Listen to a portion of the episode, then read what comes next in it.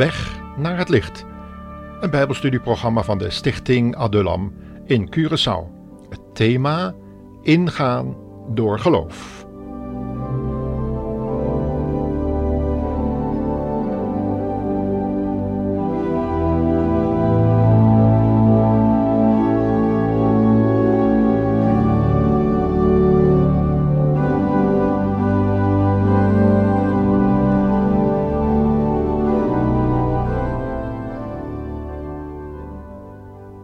Welkom luisteraar in ons programma van de Stichting Adulam.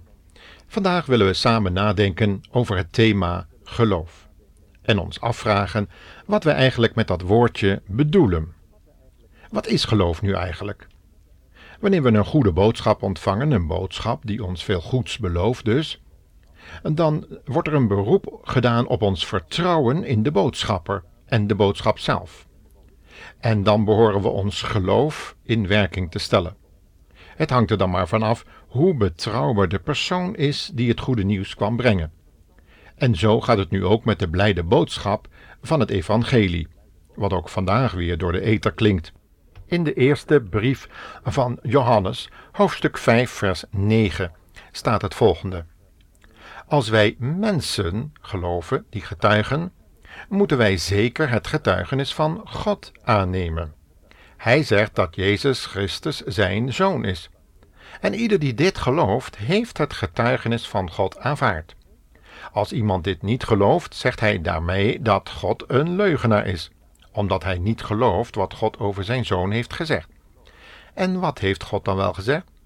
Dat hij ons eeuwig leven heeft gegeven en dat dit leven in zijn zoon is. Wie dus de zoon van God heeft, heeft het leven ook. Maar wie de zoon van God niet heeft, heeft het leven niet. Dit heb ik aan u geschreven, die in de zoon gelooft, om u de zekerheid te geven dat u eeuwig leven hebt.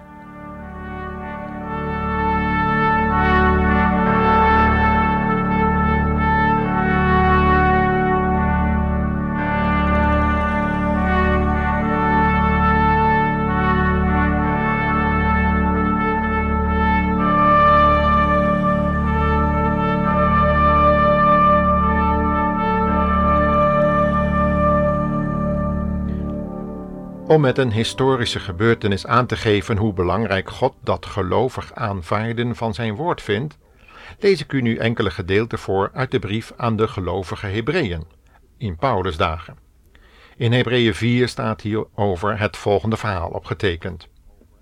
Hoewel Gods beloften nog altijd gelden, de belofte dat allen zijn rust zullen krijgen, moeten wij ervoor zorgen dat niet sommigen de indruk zouden wekken er geen deel aan te hebben want dit goede nieuws dat God ons wil redden, heeft ons net zo bereikt als de mensen in de tijd van Mozes. Maar zij hebben er niets aan gehad, omdat zij het niet geloofden.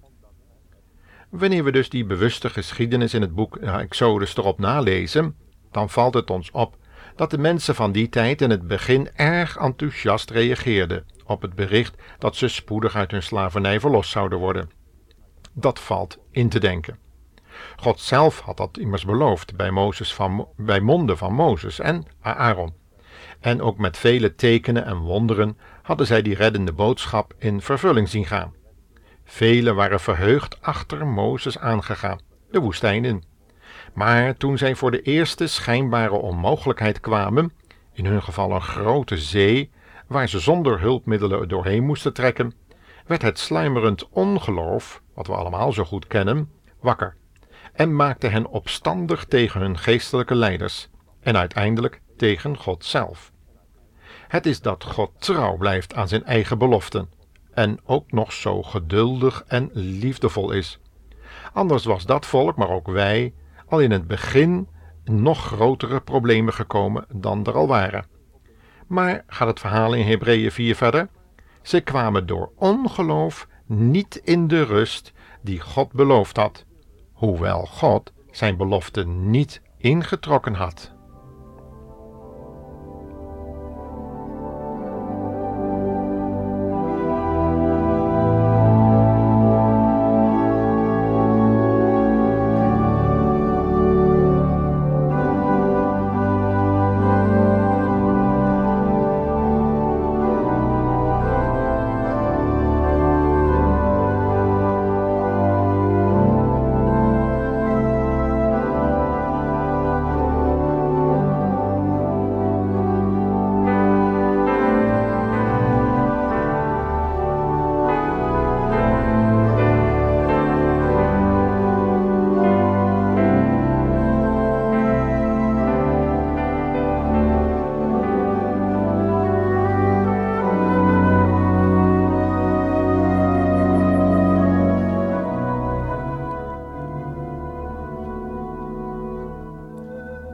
Zij die echter wel in Gods woord geloofden, hebben ervaren dat Gods woord waar is en zijn inderdaad in de rust van het beloofde land aangekomen.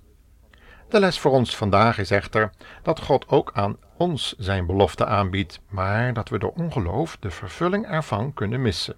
Sterker nog, dat onze kinderen deze beloofde zegeningen wel eens kunnen ervaren die wij missen.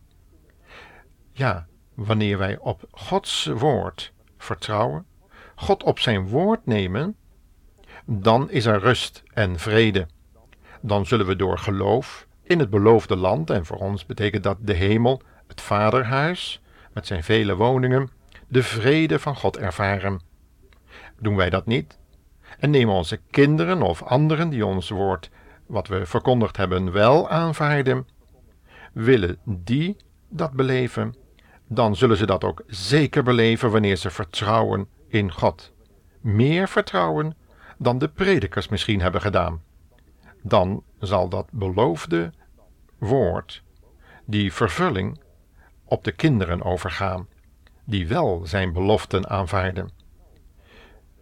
Op dat moment aangekomen wil ik mijn luisteraar toch een ernstige vraag stellen. Hoe leest u eigenlijk de Bijbel? Als een historisch verslag, wat al of niet waar zou kunnen zijn? Of als een boek vol beloften van een betrouwbare God, die zijn beloften in vervulling wil laten gaan voor de gelovige lezer? Of deze beloften nu rechtstreeks en met een hoorbare stem tot u komen, zoals dat in het Oude Testament vaak gebeurde, dat doet eigenlijk niet zo erg veel ter zake. Want wij hebben nu inmiddels dat geschreven woord in handen. Het gaat erom dat u gelooft wat God gezegd heeft. En wanneer u moeite hebt om alles wat God beloofd heeft te aanvaarden, weet dan dat er in Hebreeën 4 vers 3 staat: In mijn toorn heb ik gezworen dat mijn rust niet is voor mensen die mij niet geloven. Toch ligt Gods plan om hun die rust te geven al klaar, vanaf het begin van de wereld. Dat betekent concreet dat Gods plannen altijd doorgaan, ook als u deze plannen niet wilt kennen of geloven, luisteraar. Wanneer u echter deze plannen wel aan uw kinderen doorgeeft, bijvoorbeeld door hun een Bijbel te geven of naar een zonderschool te laten gaan, en u gaat zelf niet lezen of naar de kerk of wat dan ook, dan kan het gebeuren, zoals al gezegd is, dat de kinderen wel de Heer Jezus op zijn woord aannemen en dus zijn beloften zullen beleven, terwijl de ouders slechts de kennis van Gods woord hebben en de kinderen het geloof, wat die kennis in praktische ervaring omzet. Hebreeën 4 vers 6 zegt van deze bijzondere situatie, omdat God zijn belofte niet heeft ingetrokken, komen sommigen er wel, en al zijn dat niet de mensen die het eerste kans kregen, want die waren ongehoorzaam, zullen de kinderen er wel in gaan. En zo was het precies gebeurd met dat volk Israël.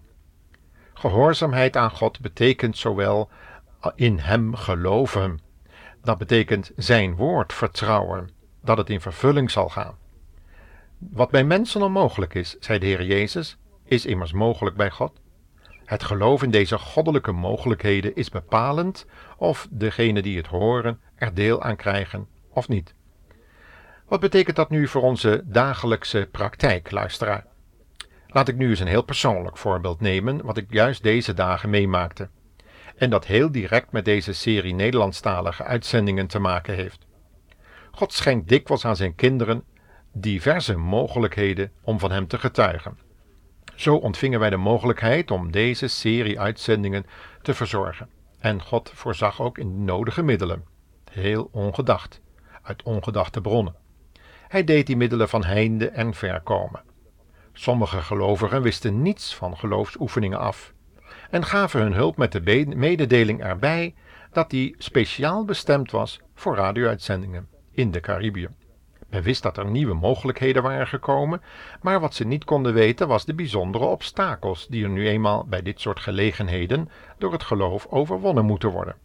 Vandaar dat de Bijbel het ook over een geloofsstrijd heeft.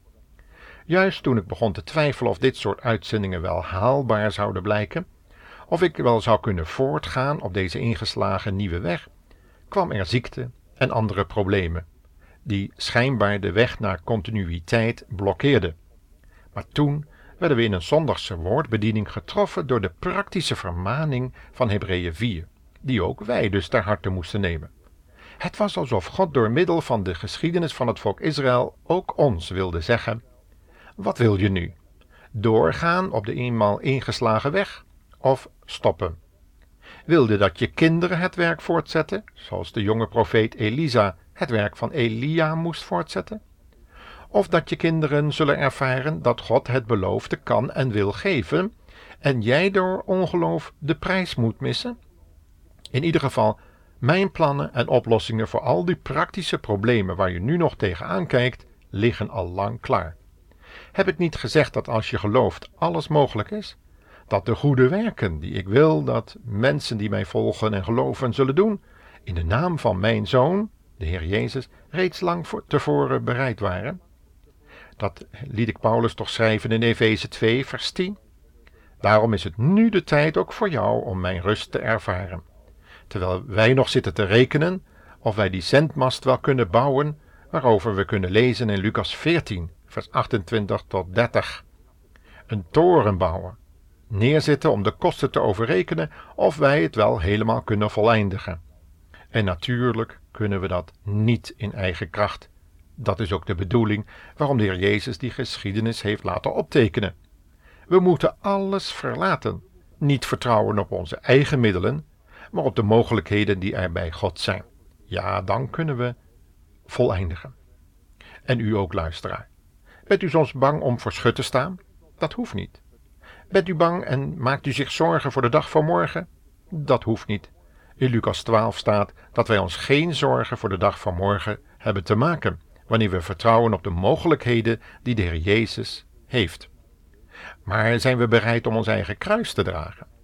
Zijn we bereid om niet op menselijke hulp te rekenen, maar alleen op Gods hulp, die Hij via mensen tot stand wil brengen?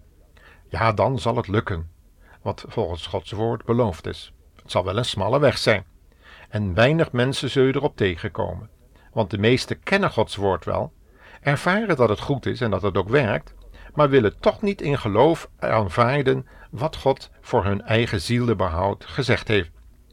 Het vergt ook een totale overgave. Wij spraken daar al over in het Evangelie, zoals Lucas de arts het heeft beschreven, hoofdstuk 13, vers 22 tot 30. Wie door geloof de rust ervaart, de rust van boven van de Heer Jezus, de rust ook van je eigen werk, zoals Hebreeën 4 het verder uitlegt, die zal ervaren dat het een hemelse rust is en een vrede. Het werk is immers volbracht van de Heer Jezus op het kruis van Golgotha. Wij hoeven alleen maar in die goede werken die God voorbereid heeft te wandelen. En daarvoor moeten we zijn wil kennen. Laten we niet ongehoorzaam zijn, luisteraar. En laten we dat woord, dat onfeilbare woord van God, aanvaarden en ingaan door geloof.